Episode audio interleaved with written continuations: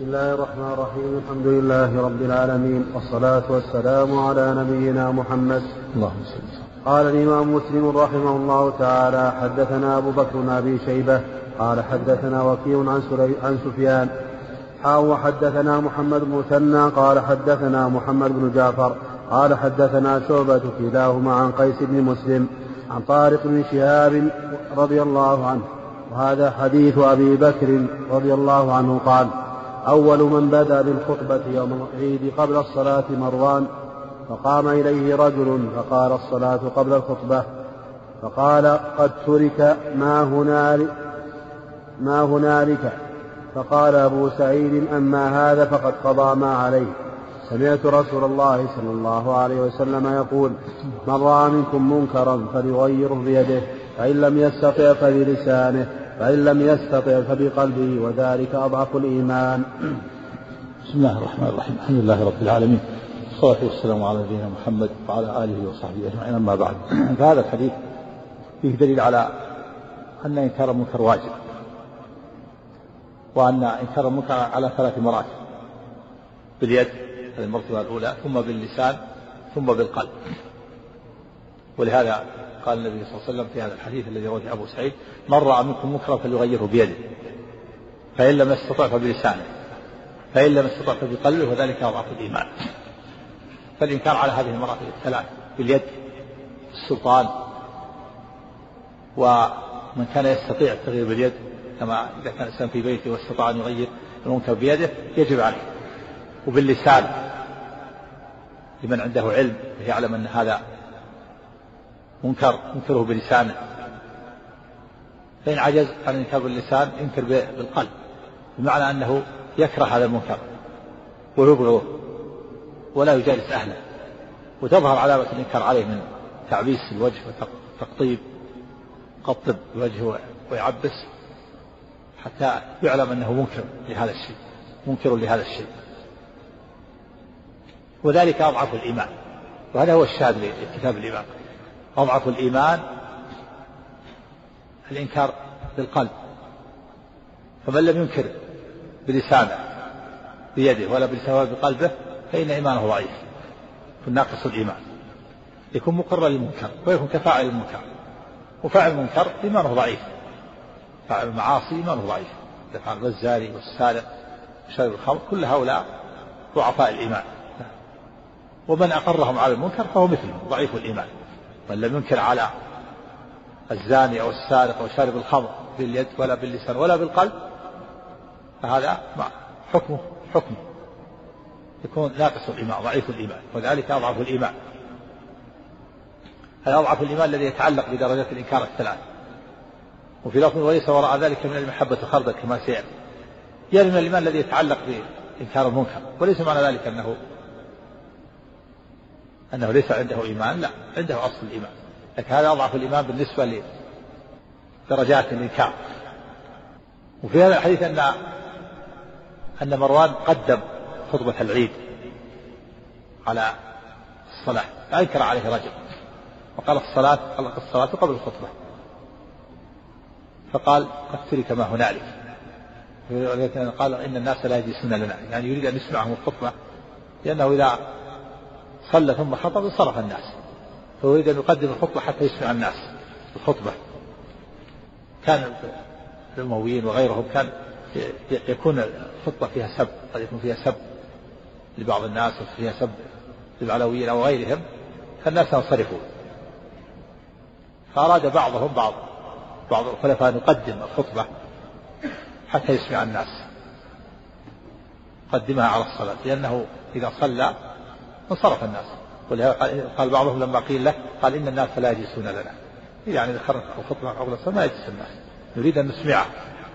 وفي هذا أن مروان هو الذي أو أول من قدم الخطبة. فأنكر عليه رجل فقال أبو سعيد أما هذا فقد قضى ما عليه. أدى الواجب.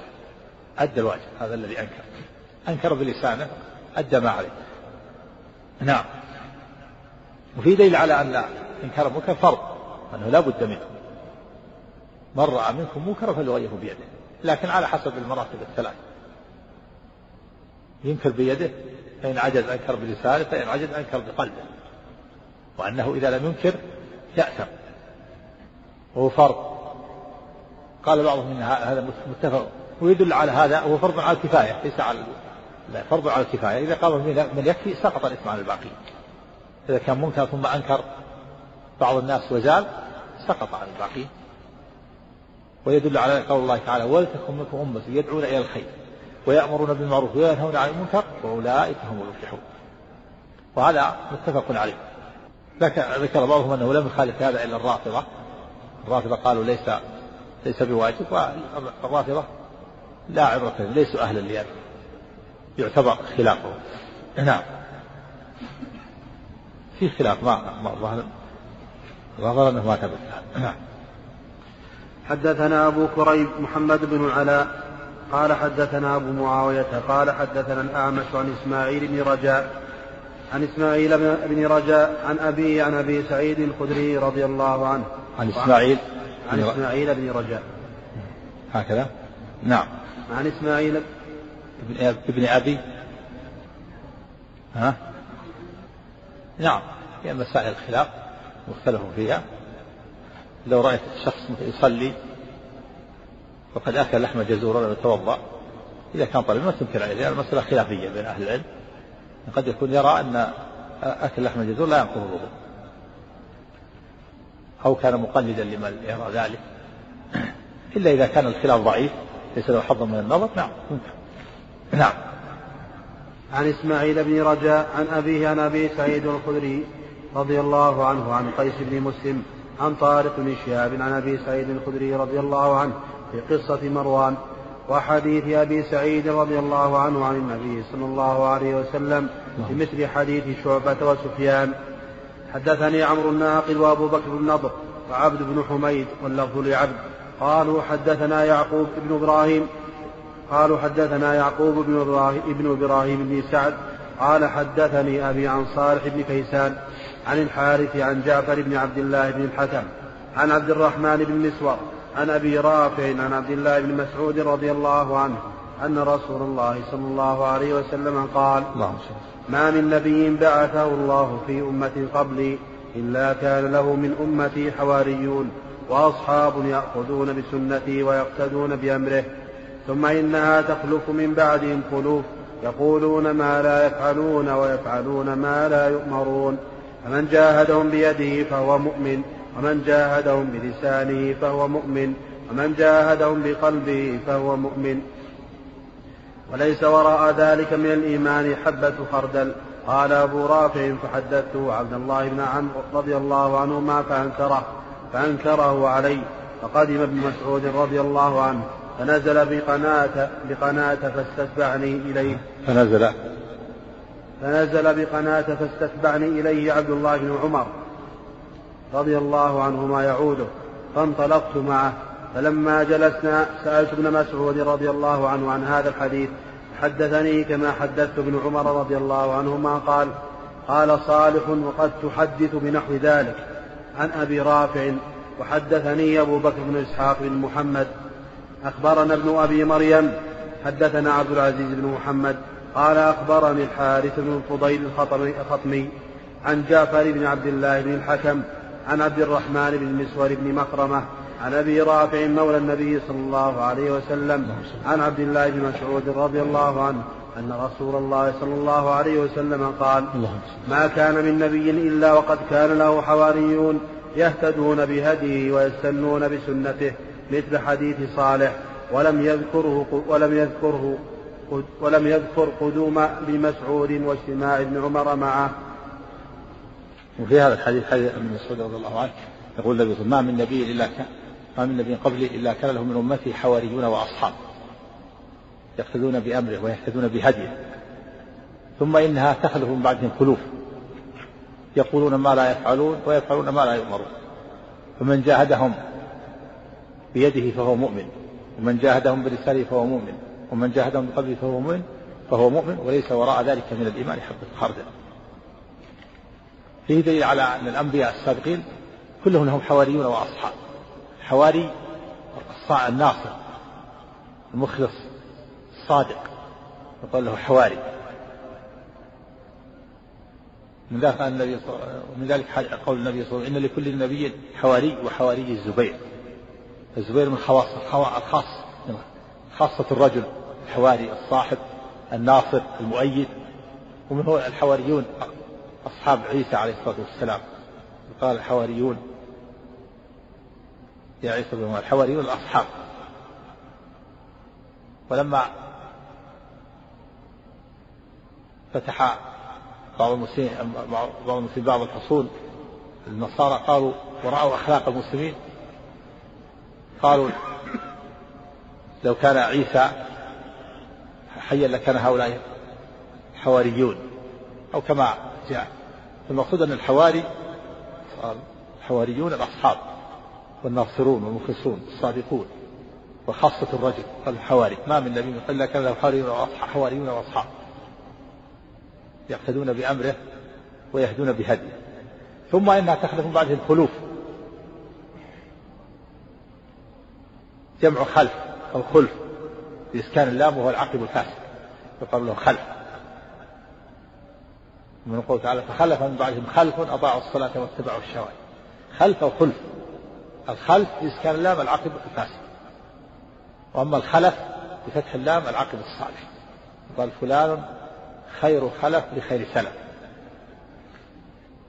فإن هؤلاء الخلوف يخالفون الأصحاب ولهذا قال ثم تأتي من بعدهم خلوف يقولون ما لا يفعلون ويفعلون ما لا يؤمرون. يقولون ما لا يفعلون تخالف أقوالهم وأفعالهم ويفعلون ما لم يأمرهم الله به ولا رسوله عليه الصلاة والسلام. لانحرافهم. فهم عصاة يقولون ما لا يفعلون ويفعلون ما لا يأمرون يجب الإنكار عليهم. فقال النبي فمن جاهدهم بيده فهو مؤمن ومن جاهدهم بلسانه فهو مؤمن. ومن جاهدهم بقلبه فهو مؤمن. وليس وراء ذلك من الإيمان حبة خردل. في دليل على أن إنكار المنكر نوع من الجهاد. إنكار المنكر جهاد. سمى النبي صلى الله عليه وسلم إنكار المنكر جهاد. وأنه يكون الجهاد باليد ويكون الجهاد باللسان ويكون الجهاد بالقلب. وأعلى الجهاد الجهاد بالسيف والحرب. قتال الأعداء. هذا أعلى الجهاد. أعلى الجهاد القتال في سبيل الله. السيف والحرب. والقوة وآلات الحرب في كل زمان ومكان بما يناسب العصر. هذا أعلى الجهاد. والأمر بالمعروف والنهي المنكر نوع من الجهاد سماه النبي جهاد. جهاد باللسان بالقلب باليد جهاد باللسان وجهاد بالقلب. وليس وراء ذلك من الإيمان حبة خردل. يعني مما يتعلق بإنكار المنكر بالإيمان الذي يتعلق بإنكار المنكر. هذا آخر المراتب الإنكار بالقلب رحمك الله. وليس معنى ذلك أن من لم يكن بالقلب كافر لا. إلا إذا أقر الكفر. إذا أقر الكفر كان منكر ولا أنكره بقلبه نعم يكفر. ما أنكر عبادة الأوثان بقلبه يعني رضيها وأقرها هذا كفر. أما إذا كان معصية من المعاصي لم ينكرها بقلبه يكون عاصي. يكون حكم حكم الفاعل. حكم حكم الفاعل. فإن كان الذي لم ينكر الكفر حكم حكم الكافر. إذا ما أنكر الكفر من لم ينكر الكفر كافر. ومن لم ينكر المعصية فهو عاصي. نعم. وليس وراء ذلك محبة خردل يعني يتعلق بإنكار المنكر. تكلم عن النووي على قوله وليس وراء ذلك ما محبة خردل ما تكلم عليه. نعم. نعم. حدثنا عبد العزيز محمد حدثنا أبو بكر بن أبي شيبة قال حدثنا أبو أسامة حاء وحدثنا ابن نمير حدثنا أبي حاء وحدثنا أبو كريب قال حدثنا ابن إدريس كلهم عن إسماعيل عن إسماعيل بن أبي خالد حاء وحدثنا يحيى بن حبيب الحارثي واللفظ له قال حدثنا معتمر عن إسماعيل قال سمعت قيسا يروي عن أبي, عن أبي مسعود رضي الله عنه قال أشار النبي صلى الله عليه وسلم بيده نحو اليمن فقال ألا إن الإيمان ها هنا وإن القسوة وغلظ القلوب في الفدادين في الفدادين عند وصول أذناب الإبل حيث يطلع قرناء الشيطان في ربيعة ومضر. حدثنا أبو الربيع الزهراني قال أنبأنا حماد قال ألا إن الإيمان هنا يعني أشار إلى جهة اليمن جهة تهامة والغلظ في الفدادين عند أذناب الإبل في ربيعة ومضر يعني في القبائل. في القبائل في المشرق قبائل. قبائل نجد وغيرها. عندهم غلظة أصحاب الإبل الدادين أصحاب عندهم الغلظة والشدة والقسوة والرقة في في أهل اليمن مراد تهامة كل ما كان عن من الكعبة يسمى يمن من هو؟ الركن اليماني. ولهذا ميقات أهل اليمن يلملم قريب من مكة. تهامة كل تهامة تسمى يمن. نعم. وموجود من ذلك أبو هريرة قدم من اليمن قبيلة الدوس. قبيلة الدوس موجودة قريبة في التهامة في الجنوب. نعم. حدثنا أبو الربيع الزهراني قال أنبأنا حماد قال حدثنا أيوب قال حدثنا محمد عن أبي هريرة رضي الله عنه قال إيش هذا الحديث السابق؟ عن أبي مسعود رضي الله عنه قال أشار النبي صلى الله عليه وسلم بيده نحو اليمن فقال ألا إن الإيمان ها هنا وإن القسوة وغلظ القلوب في الفد في الفدادين عند وصول أذناب الإبل حيث يطلع قرن الشيطان في ربيعة ومضر. يعني المشرق يعني مراد قبائل. في نجد نعم. حدثنا أبو الربيع الزهراني قال أنبأنا حماد قال حدثنا أيوب قال حدثنا محمد عن أبي هريرة رضي الله عنه قال قال رسول الله صلى الله عليه وسلم جاء أهل اليمن هم أرق أفئدة الأفئدة الإيمان يمان والفقه يمان والحكمة يمانية.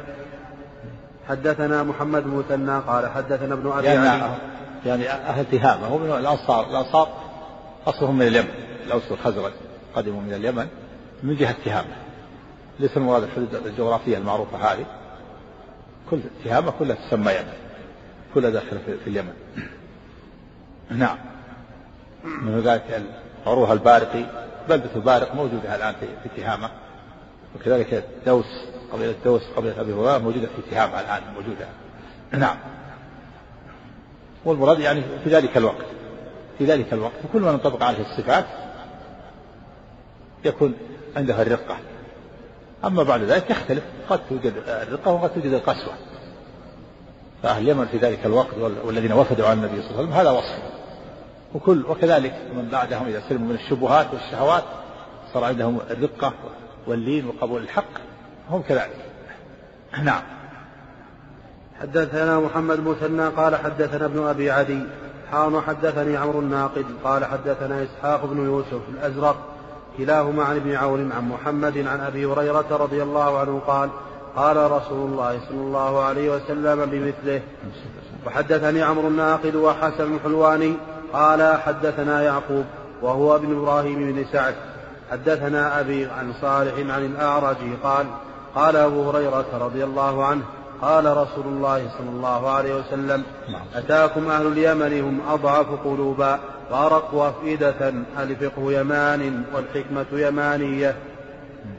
حدثنا يحيى بن يحيى. تكلم النووي على الفقه يماني والحكمة يمانية. ذكر الروايات لا بس كلام شرح الحكمة اليمانية تكلم عليه. قال قد اختلف قد اختلف في مواضع من هذا الحديث قد جمعها القاضي عياض رحمه الله ونقحها مختصرة بعده الشيخ أبو عمرو بن الصلاح رحمه الله. وأنا أحكي ما ذكره. قال أما ما ذكر من نسبة الإيمان إلى أهل اليمن فقد صرفوه عن ظاهر بحيث إن مبدأ الإيمان من مكة ثم من المدينة حرسهم الله تعالى فحكى أبو عبيد إمام الغرب. ثم من بعده في ذلك أقوالا أحدها أنه أراد بذلك مكة. فإنه يقال إن مكة من تهامة وتهامة من أرض اليمن. والثاني أن المراد مكة والمدينة. فإنه يروى في الحديث أن النبي صلى الله عليه وسلم قال هذا الكلام وهو بتبوك ومكة والمدينة. حينئذ بينه وبين اليمن فأشار إلى ناحية اليمن وهو يريد مكة والمدينة. فقال الإيمان يمان ونسبهما إلى اليمن لكونهما حينئذ من ناحية اليمن. كما قالوا الركن اليماني وهو بمكة لكونه إلى ناحية اليمن. والثالث ما ذهب إليه كثير من الناس وهو أحسنها عند أبي عبيد أن المراد بذلك الأنصار لأنهم يمانون. يمانون في الأصل فنسب الإيمان إليهم لكونهم أنصاره قال الشيخ أبو عمرو رحمه الله ولو جمع أبو عبيد ومن سلك سبيله طرق الحديث بألفاظه كما جمع مسلم وغيره وتأملوها لصاروا إلى غير ما ذكروه ولما تركوا الظاهر ولقضوا بأن المراد اليمن وأهل اليمن على ما هو المفهوم من إطلاق ذلك. إيش إيش؟ عاد تفضل. قال. قال الشيخ أبو عمرو رحمه الله. نعم. ولو جمع أبو عبيد ومن سلك سبيله طرق الحديث طرق الحديث بألفاظه كما جمع مسلم وغيره وتأملوها لصاروا إلى غير ما ذكروه. ولما تركوا الظاهر ولقضوا بأن المراد اليمن وأهل اليمن على ما هو المفهوم من إطلاق ذلك. هذا هو الصواب. الصواب المراد أهل اليمن الوفود اللي يوفدوا عليه في ذلك الوقت. أهل اليمن مراد أهل اليمن تهامة كلها. ليس المراد الحدود الجغرافية الآن لا. الحدود الجغرافية الآن ما لا تمثلها لكن مراد أهل اليمن كل ما كان يعني من الكعبة يسمى يمن. تهامة الآن كلها كل الجهات دي كلها تسمى يمن. تهامة كل هذه من حين تخرج من مكة كل الجهات هذه والقرى إلى جيزان كل هذه كلها تسمى يمن. والوفود الذين وفدوا على النبي صلى الله عليه وسلم في ذلك الوقت هذا وصفه ولا يلزم من هذا أن يكون هذا الوصف مستمر. في ذلك الوقت هذا وصفهم. ومن انطبق عليه الوصف كان كذلك. ومن ذلك وأصل هذا الأوس والخزرج. أصل الأوس والخزرج الأنصار كلهم نزحوا من اليمن. والذين وفدوا على النبي صلى الله عليه وسلم هذا وصفه عندهم رقة رقة أفئدة وقبول للحق السلامة من الشبهات والشهوات. لكن بعد ذلك حصل التغيير تغيرت الأحوال. فمن انطبق عليه الوصف فلا يزال كذلك. ومن تغير فليس له وصف ذلك. نعم. يقول إذ من ألفاظه أتاكم أهل اليمن. والأنصار من جملة المخاطبين. نعم هم منهم هم من أهل اليمن نعم الأوس والخزرج كان أخوان رجلان أخوان وأمهما واحدة. ولهذا لما قدم المهاجرة في نحر الظاهرة كانوا ينتظرون النبي صلى الله عليه وسلم كل يوم حتى اشتد ارتفع النهار وتشتد الشمس ثم ينصرفون. وصوت. لما رأى النبي قال يا بني قيلة جاء جاءكم الذي أو جاء أبوكم الذي تنتظرون. بني قيلة الأوس والخزرج. هم بنو أصل أخوان. أمهم واحدة قيلة. نعم. إذ من ألفاظه أتاكم أهل اليمن والأنصار من جملة المخاطبين بذلك فهم إذا غيرهم. وكذلك قوله صلى الله عليه وسلم جاء أهل اليمن وإنما جاء حينئذ غير الأنصار. ثم إنه صلى الله عليه وسلم وصفهم بما يقضي بكمال إيمانهم ورتب عليه الإيمان يمان فكان ذلك إشارة للإيمان إلى من أتاه من أهل اليمن لا إلى مكة والمدينة. ولا مانع من إجراء الكلام على ظاهره وحمله على أهل اليمن حقيقة لأن من اتصف بشيء وقوي قيامه به وتأكد اطلاعه منه ينسب ذلك الشيء إليه إشعارا بتميزه به وكمال, وكمال حاله فيه. وهكذا كان حال أهل اليمن حينئذ في الإيمان وحال الوافدين منه في حياة رسول الله صلى الله عليه وسلم وفي أعقاب موته كأويس, كأويس القرني وأبي مسلم الخولاني رضي الله عنهما وشبههما ممن سلم قلبه وقوي إيمانه. فكانت نسبة الإيمان إليهم لذلك إشعارا بكمال إيمانهم من غير أن يكون في ذلك نفي له عن غيرهم. فلا منافاة بينه وبين قوله صلى الله عليه وسلم الإيمان في أهل الحجاز ثم المراد بذلك الموجود الموجودون منهم حينئذ لا كل أهل اليمن في كل زمان. فإن اللفظ لا يقتضيه هذا هو الحق في ذلك ونشكر الله تعالى على هدايتنا له والله أعلم. نعم هذا كلام جيد كلام الصلاة نعم. تكلم عن الفقه. نعم الفقه. والفقه يماني. نعم. قال وأما ما ذكر من الفقه والحكمة فالفقه هنا عبارة عن الفهم في الدين واصطلح بعد واصطلح بعد واصطلح بعد ذلك الفقهاء وأصحاب الأصول على تخصيص الفقه بإدراك الأحكام الشرعية العملية بالاستدلال على أعيانها. وأما الحكمة ففيها أقوال كثيرة مضطربة. قد اقتصر كل من, كل من قائلها على بعض صفات الحكمة.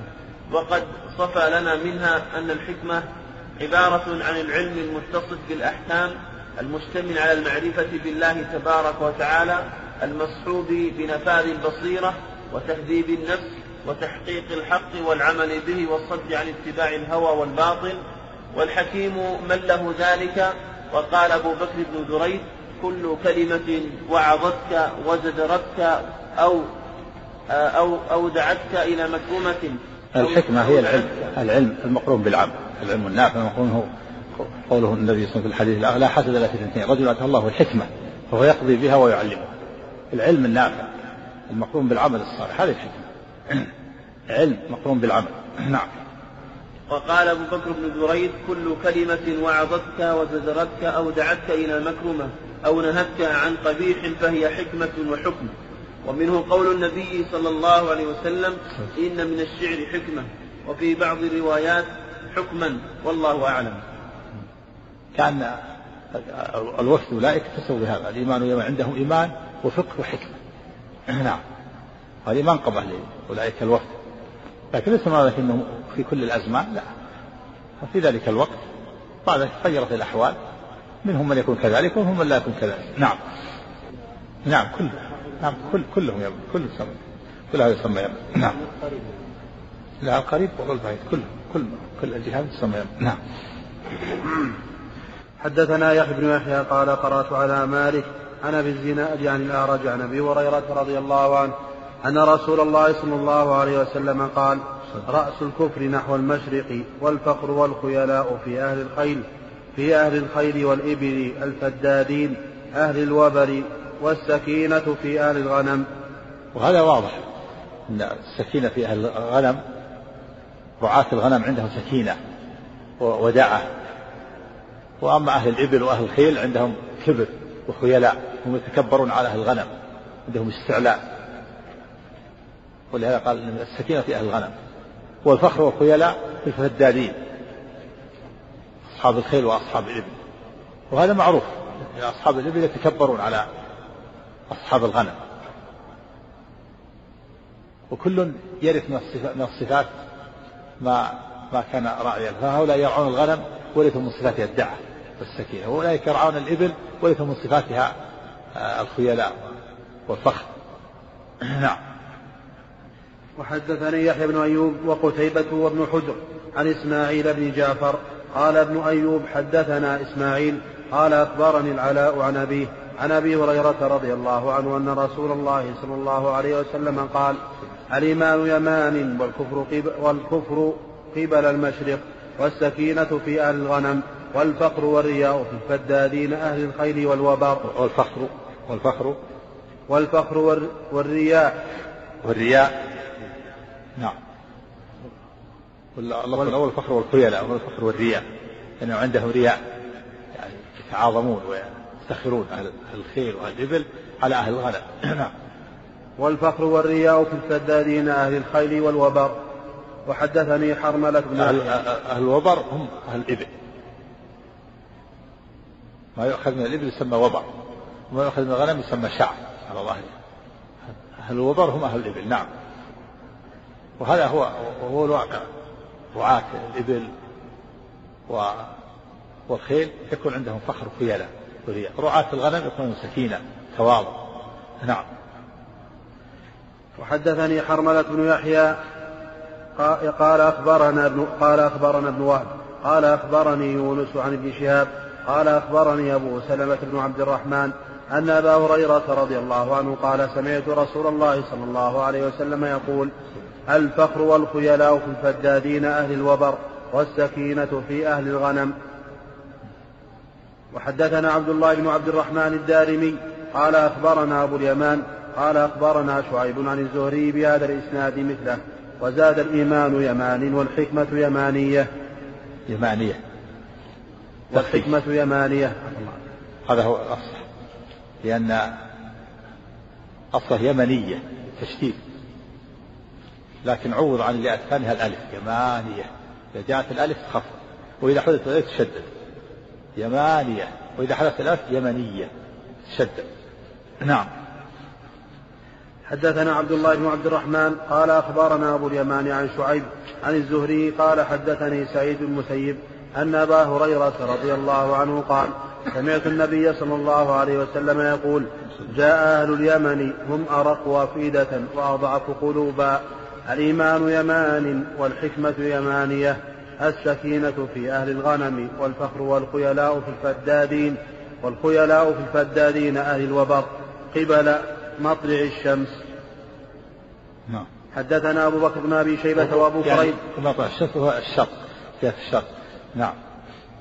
حدثنا أبو بكر بن أبي شيبة وأبو كريب قال حدثنا أبو معاوية عن الأعمش عن أبي صالح عن أبي هريرة رضي الله عنه قال قال رسول الله صلى الله عليه وسلم أتاكم أهل اليمن هم ألين قلوبا وأرق أفئدة الإيمان يمان والحكمة يمانية وهذه منقبة. لهم لذلك الوفود. الإيمان يمان أرق قلوبا وأفئدة الإيمان يمان والحكمة يمانية. عندهم إيمان وحكمة علم وعمل وقبول للحق. هذا وصف منقبة. نعم. هم ألين قلوبا وأرق أفئدة الإيمان يمان والحكمة يمانية. رأس الكفر رأس الكفر قبل المشرق. وحدثنا قتيبة بن سعيد وزهير بن حرب قال حدثنا جرير عن الأعمش بهذا الإسناد ولم يذكر رأس الكفر قبل المشرق. وحدثنا محمد مثنى قال حدثنا ابن أبي عدي. حاء وحدثني بشر بن خالد. قال حدثنا محمد يعني بن جعفر قال حدثنا شعبة عن الأعمش بهذا الإسناد مثل حديث جرير وزاد والفخر والخيلاء في أصحاب الإبل والسكينة والوقار في أصحاب الشاء. الشاء الغنم. نعم. وحدثنا إسحاق بن إبراهيم قال أخبرنا عبد الله بن الحارث المخزومي عن ابن جريج عن ابن جريج قال أخبرني أبو الزبير أنه سمع جابر بن عبد الله رضي الله عنه يقول قال رسول الله صلى الله عليه وسلم غلظ القلوب والجفاء في المشرق والإيمان في أهل الحجاز. نعم هذا هذا أيضا فيه الإيمان في أهل الحجاز. والأول الإيمان في أهل اليمن. لا مانع هذا الوصف ينطبق على أهل الحجاز وأهل اليمن. نعم مكة والمدينة والحجاز من اليمن. نعم. كلهم انتهاء تابع انتهاء نعم. يأتي الآن سيأتي الكلام عليه نعم. حدثنا أبو بكر بن أبي شيبة قال حدثنا أبو معاوية ووكيع عن الأعمش عن أبي صالح عن أبي هريرة رضي الله عنه قال قال رسول الله صلى الله عليه وسلم لا تدخلون الجنة حتى تؤمنوا ولا تؤمنوا حتى تحابوا. نعم. انتهى الكلام على أهل المشرق ذكر في هذه الأحاديث ذكر أن الفتن من المشرق. وفي اللفظ الآخر ألا إن الفتنة ها هنا وأشار بيده المشرق من حيث يطلع قرن الشيطان.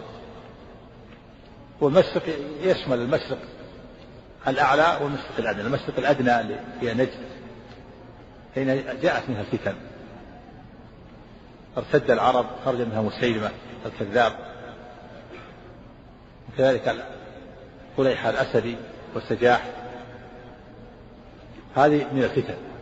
وكذلك المشرق الأقصى العراق خراسان وما وراءها فيه فتن. جاءت منها فتن.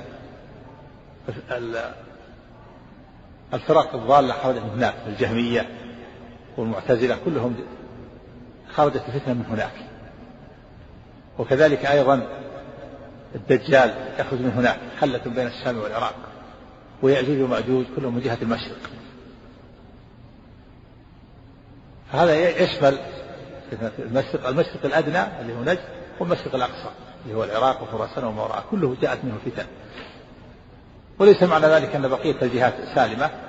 لا بل قد هناك فتن في المغرب وفي الشمال وفي الجنوب لكن هذا هو الأغلب والأكثر أن تكون من جهة الشرق. وهذا هو الواقع الآن. فإن مسيلمة الكذاب خرج في نجد. وارتد بنو حنيفة وصارت لهم شوكة قوية. حتى قتل مقتل عظيم من الصحابة من القراء حتى خشي الصحابة أن خشوا على القرآن ولذلك جمع أبو بكر رضي الله عنه القرآن. لما استحر القتل في القراء يوم اليمامة. وكذلك أيضا المشرق الأقصى الفتن تجد الخوارج كلهم في جهة المشرق الأزارقة وغيرهم. حصل لهم مع الخلافة خلافة عباسية وغيرهم حروب حروب طاحنة. وهذا الفرق الضالة خرج من هناك خوارج ومعتزلة. وفي آخر الزمان الدجال يخرج من هناك ويأجوج ومأجوج نعم. نعم. حدثنا أبو بكر بن أبي شيبة قال حدثنا أبو معاوية ووكيع عن الأعمش عن أبي صالح عن أبي هريرة رضي الله عنه قال قال رسول الله صلى الله عليه وسلم لا تدخلون الجنة حتى تؤمنوا ولا تؤمنوا حتى تحابوا. أولا أدلكم على شيء إذا فعلتموه تحاببتم أفشوا السلام بينكم. وهذا في دليل على أن الجنة لا يدخلها إلا مؤمن. لا تدخل الجنة حتى تؤمن وثبت أيضا أن النبي صلى الله عليه وسلم أمر مناديا ينادي في بعض الغزوات قال لا يدخل الجنة إلا نفس مؤمنة. وكذلك أمر عليا في في السنة التاسعة في مؤذنين يؤذنون بالناس في منى بأربع كلمات ومنها لا يدخل الجنة إلا نفس مسلمة. ولا يحج بعد العام إلا مشرك ولا يطوف بالبيت عريان. ومن كان له عهد فهو إلى عهده ومن لم يكن له عهد فمدته أربعة أشهر. هذه هي الكلمات الأربعة التي يؤذن يؤذن الناس فيها بمنى بالناس. حجة السنة التاسعة التي حج فيها أبو بكر بالناس. نعم. لا يدخل يدخل الجنة حتى تؤمنوا. ولا تؤمنوا حتى تحابوا. أول أدلكم فإذا فعلتم تحاببتم أفشوا السلام بينكم. ففيه دليل على أن أفشاء السلام من أسباب المحبة التي هي دليل على الإيمان. الإيمان سبب في دخول الجنة. والمحبة سبب في الإيمان وسببها إفشاء السلام. وإفشاء السلام من الإيمان. نعم خصال الإسلام وخصال الإيمان. ينبغي المسلم أن يفشي السلام يسلم على كل أحد. إفشاء السلام أن تسلم على من عرفت ومن لم تعرف. هذا إفشاء السلام. بعض الناس ما يسلم إلا على من يعرف. ينبغي إفشاء السلام من خصال الإيمان. كل من عرفت كما في الحديث الآخر سلم على من عرفت ومن لم تعرف. نعم. سلم. إذا كان في بلد بلاد مسلمين سلم. حتى تعلم أن أنه غير مسلم. إذا عرفت أنه غير مسلم لا تبدأ بالسلام. أو غلب على ظنك إذا كان له وصف. وصف معروف يعرف أنه ليس من المسلمين لا تبدأ بالسلام. يقول النبي في الحديث الآخر يقول النبي لا تبدأوا اليهود والنصارى بالسلام.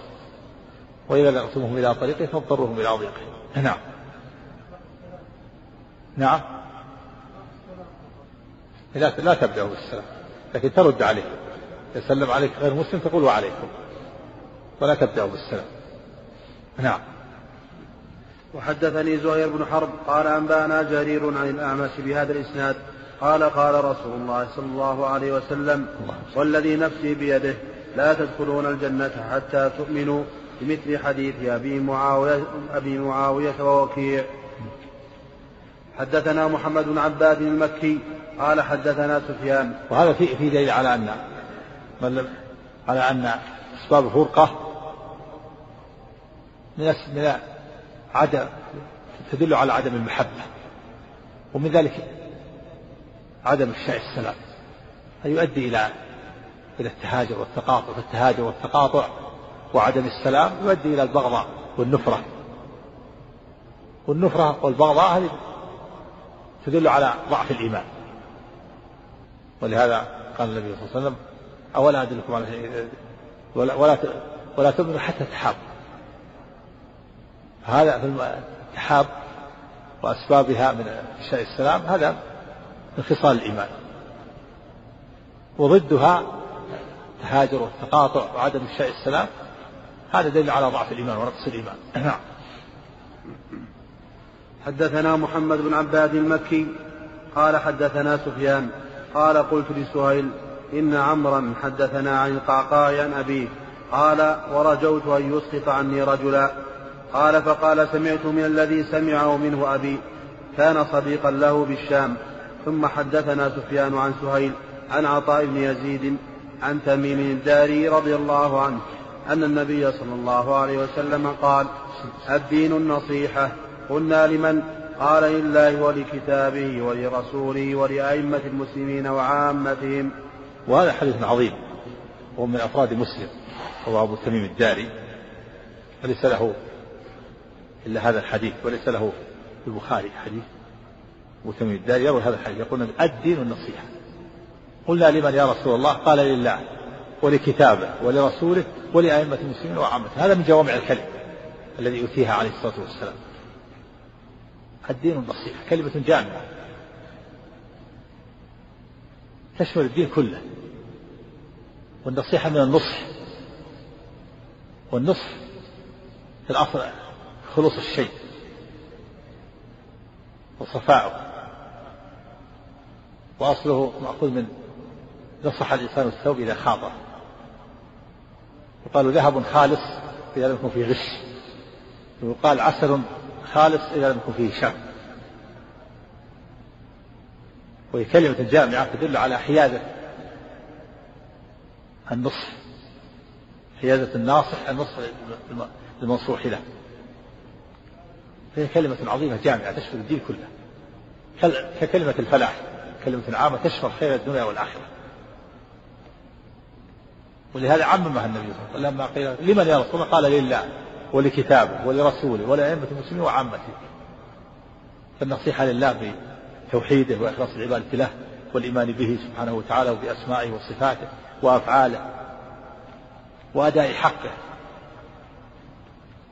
ولكتابه النصيحة بكتاب الله الإيمان به وتلاوته وتدبره والعمل بما فيه وتنفيذ أحكامه وتصديق أخباره والاتعاظ بمواعظه والإيمان بالرسول صلى الله عليه وسلم هو تصديقه عليه الصلاة والسلام في أخباره وامتثال أوامره واجتناب نواهيه والتعبد لله بما شرعه في كتابه وعلى لسان رسوله والنصح لأئمة المسلمين. وهم ولاة الأمور بمحبة الخير لهم وإسداء النصيحة لهم وتنبيههم على أمور الخير وتحذيرهم ونصحهم من أسباب الشر وتبليغهم المظالم حتى ينصف المظلوم من الظالم وموالاتهم. وعدم الخروج عليهم كل هذا من النصح.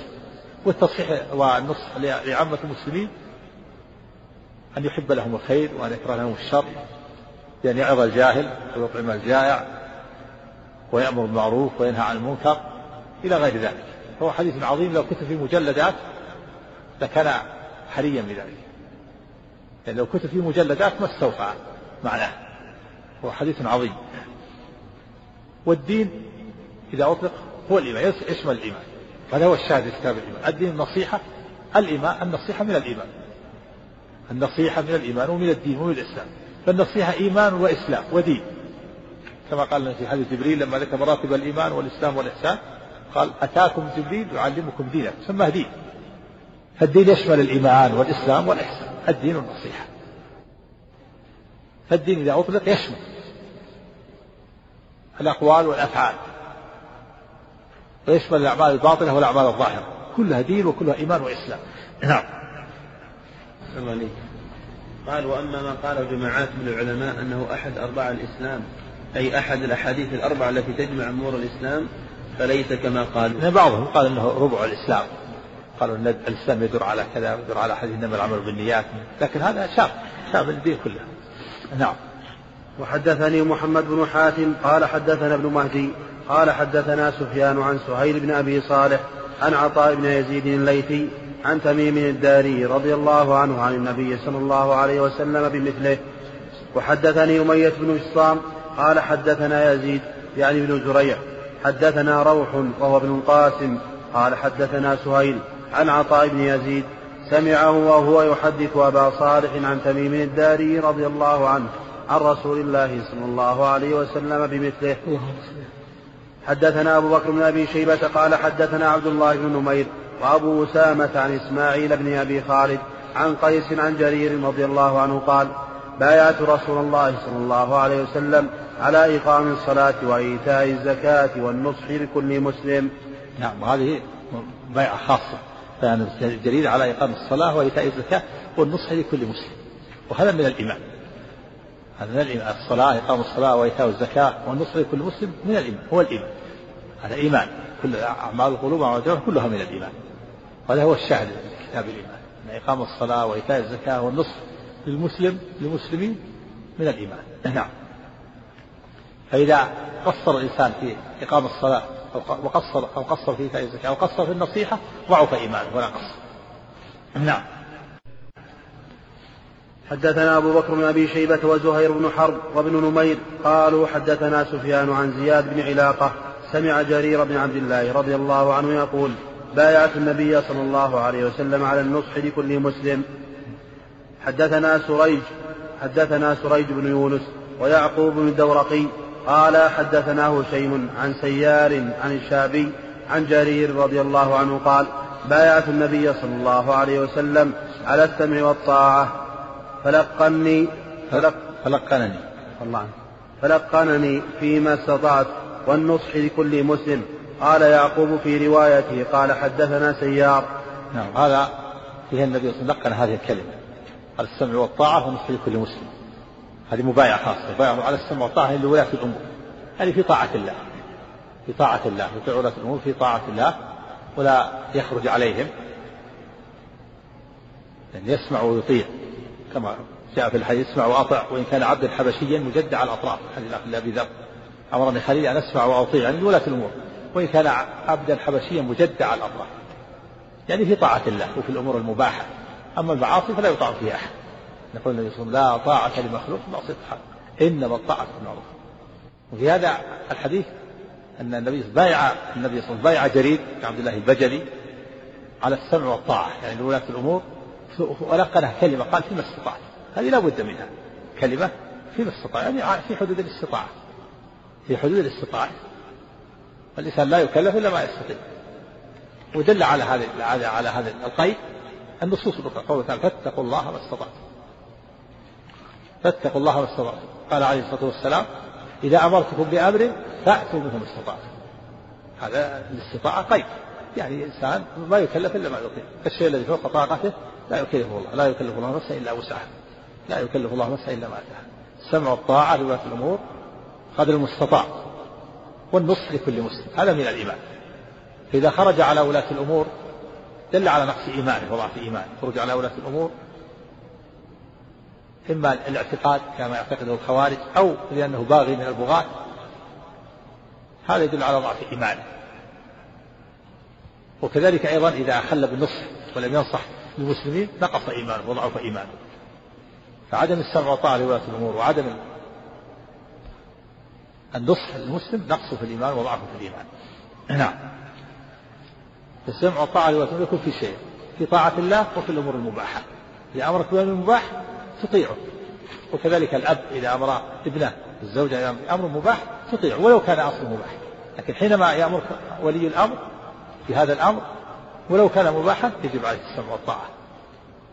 لأن هذا لأن هذا سبب في ائتلاف الكلمة والاجتماع أما إذا أمر بالمعصية فلا يطاع في المعصية فقط. لكن ليس معنى ذلك أنه يخرج عليه لا.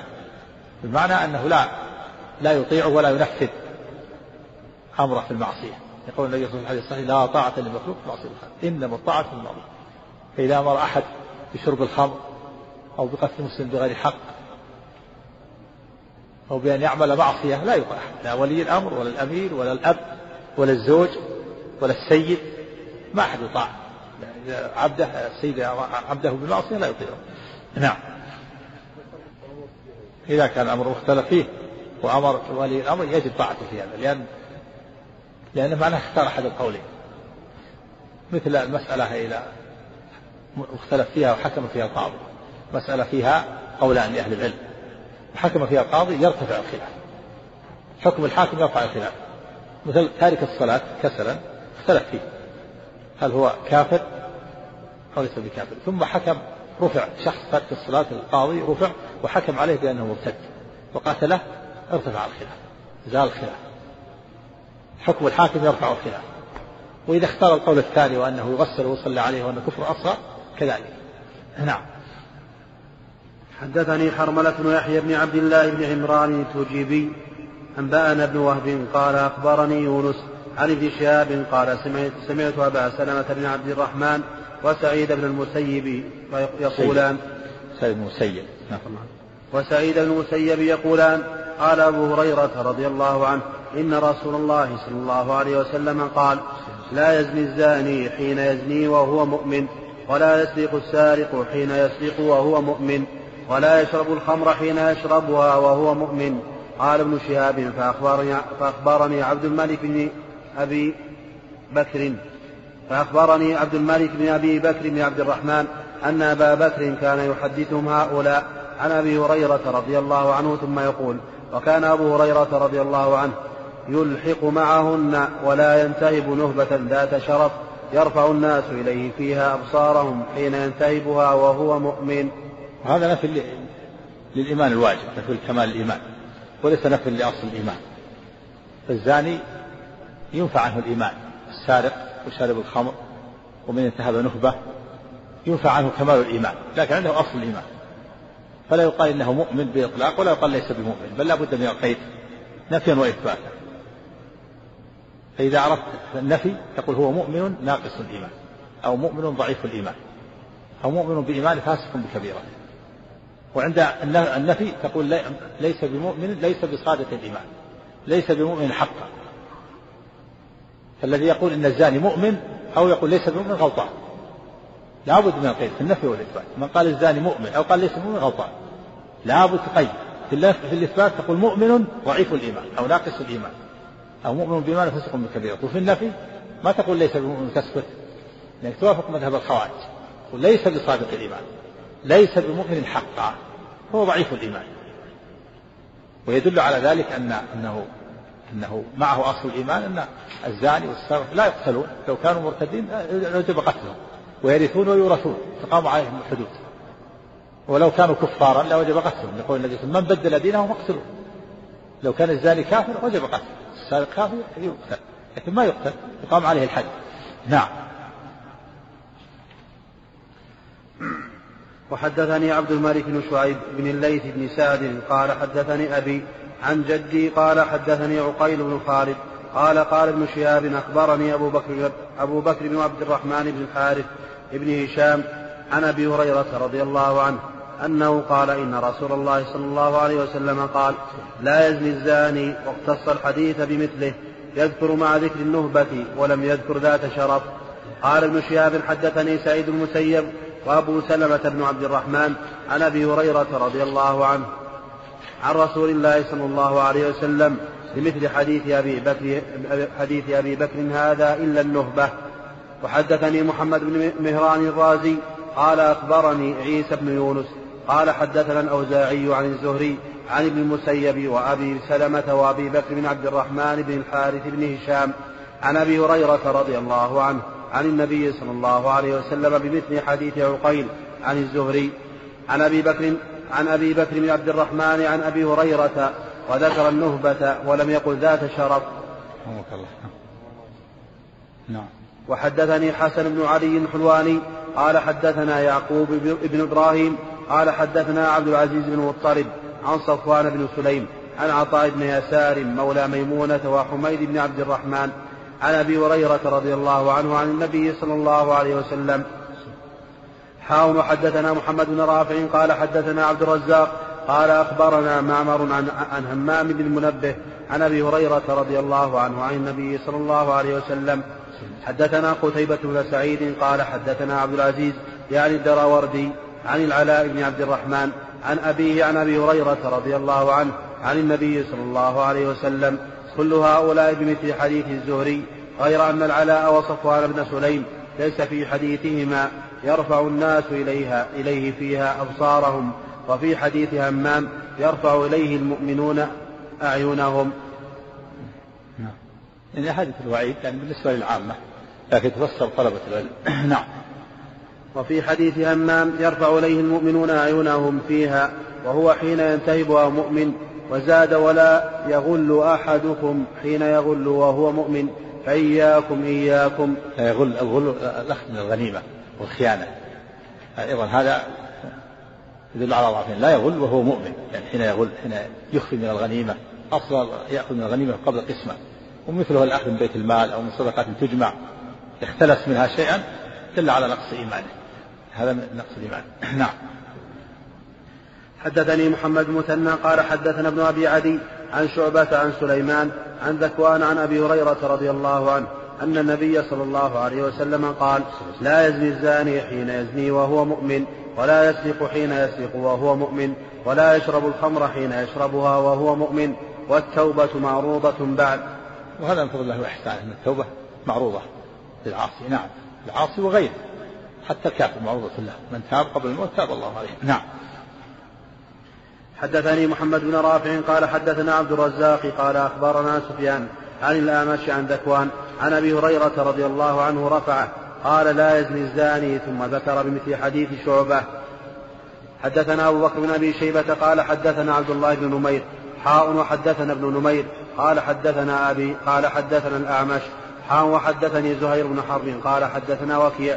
قال حدثنا سفيان عن الأعمش عن عبد الله بن مرة عن مسروق عن عبد الله بن عمرو رضي الله عنه قال قال رسول الله صلى الله عليه وسلم أربع من كن فيه كان منافقا خالصا ومن كانت فيه خلة منهن كانت فيه خلة من نفاق خلة من نفاق حتى يدعها إذا حدث كذب وإذا عاهد غدر وإذا وعد أخلف وإذا خاصم فجر غير أن في حديث سفيان وإن كانت فيه خصلة منهن كانت فيه خصلة من النفاق. حدثنا يحيى بن أيوب وقتيبة بن سعيد واللفظ ليحيى قال حدثنا إسماعيل بن جعفر قال أخبرني أبو سهيل نافع بن مالك بن أبي عامر عن أبيه عن أبي هريرة رضي الله عنه أن رسول الله صلى الله عليه وسلم قال آية المنافق ثلاث إذا حدث كذب وإذا وعد أخلف وإذا اؤتمن خان. حدثنا أبو بكر بن أبي حدثنا أبو بكر بن إسحاق قال أخبرنا ابن أبي مريم قال أخبرنا محمد بن جعفر قال أخبرني العلاء بن عبد الرحمن بن يعقوب مولى الحرقة عن أبي عن أبي هريرة رضي الله عنه قال قال رسول الله صلى الله عليه وسلم من علامات المنافق ثلاثة إذا حدث كذب وإذا وعد أخلف وإذا اؤتمن خان. حدثنا عقبة بن مكرم. حدثنا عقبة بن مكرم العمي. حدثنا يحيى بن محمد بن قيس أبو زكير. قال سمعت العلاء بن عبد الرحمن يحدث بهذا الإسناد وقال آية المنافق ثلاث وإن صام وصلى وزعم أنه مسلم. وحدثني, وحدثني أبو نصر النمار وعبد الأعلى بن حماد قال حدثنا حماد بن سلمة عن داود بن أبي هند عن سعيد بن المسيب عن أبي هريرة رضي الله عنه قال قال رسول الله صلى الله عليه وسلم بمثل حديث يحيى بن محمد عن العلاء ذكر فيه وإن صام وصلى وزعم أنه مسلم أنه مسلم. وهذه الحديث فيها بيان خصال النفاق. حديث حديث عبد الله بن عمرو ذكر أربع خصال. أربع من كنا فيه كان منافقا خالصا. ومن كان في خصم من حتى يدعه إذا حدث كذب وإذا وعد أخلف وإذا أتمن خان وإذا خاصم فجر والحديث الثاني آية المنافق ثلاث. يعني آية يعني علامة. إذا حدث كذب وإذا وعد أخلف وإذا أتمن خان فالحديثان فيهما خمس خصال من خصال المنافقين. إذا حدث كذب يعني ديدنه الكذب. وإذا وعد أخلف الخلف في الوعد والفجور في الخصومة والخيانة في الأمانة والغدر في العهود. هذه من خصال المنافقين وهي معاصي. هذه من النفاق العملي وهي تجر إلى النفاق الأكبر. فمن كانت فيه خصلة منهن كان دليل على ضعف إيمانه ونقص إيمانه. وهذا هو الشاهد في كتاب الإيمان أن من اتصف بها بهذه الصفات أو بعضها دل ذلك على نقص إيمانه. وحديث عبد الله بن عمرو أربع من كن في خلة أو خصلة في لفظ خصلة كان في خصل من النفاق حتى يدعها وإذا كنا فيه كان منافقا خالصا. قال العلماء المعنى أنها كل وحدة من من هذه الخصال فهي معصية. وكذلك إذا اجتمعت لكن في الغالب إذا اجتمعت واستحكمت وكملت جرت إلى النفاق الأكبر. وهو نفاق الاعتقاد والكفر والعياذ بالله. هذه معاصي. النفاق إلى نفاق عملي وهذه كهذه المعاصي. الغدر في العهود الخيانة في الأمانة الفجور في الخصومة الكذب في الحديث الخلف في الوعد هذه معاصي. لكن إذا استحكمت وكملت جرت إلى النفاق الأكبر اللي هو التكذيب تكذيب الله ولرسوله والإنكار والجحود. هذا النفاق الاعتقادي اللي يخرج من الملة النفاق نفاق النفاق الأكبر نفاق الكفر التكذيب والجحود وهذا نفاق العمل. معاصي. تدل على ضعف الإيمان ونقص الإيمان. من كانت فيه فهو ضعيف الإيمان وناقص الإيمان. نعم نعم نعم نعم. إيه إذا رضي بالكفر فهو كافر. إيه إيه. إذا رضي بالكفر رضي بعبادة الأوثان أو رضي باليهودية أو بالنصرانية أو رضي بسب الله أو سب الرسول سب كافر. نعم.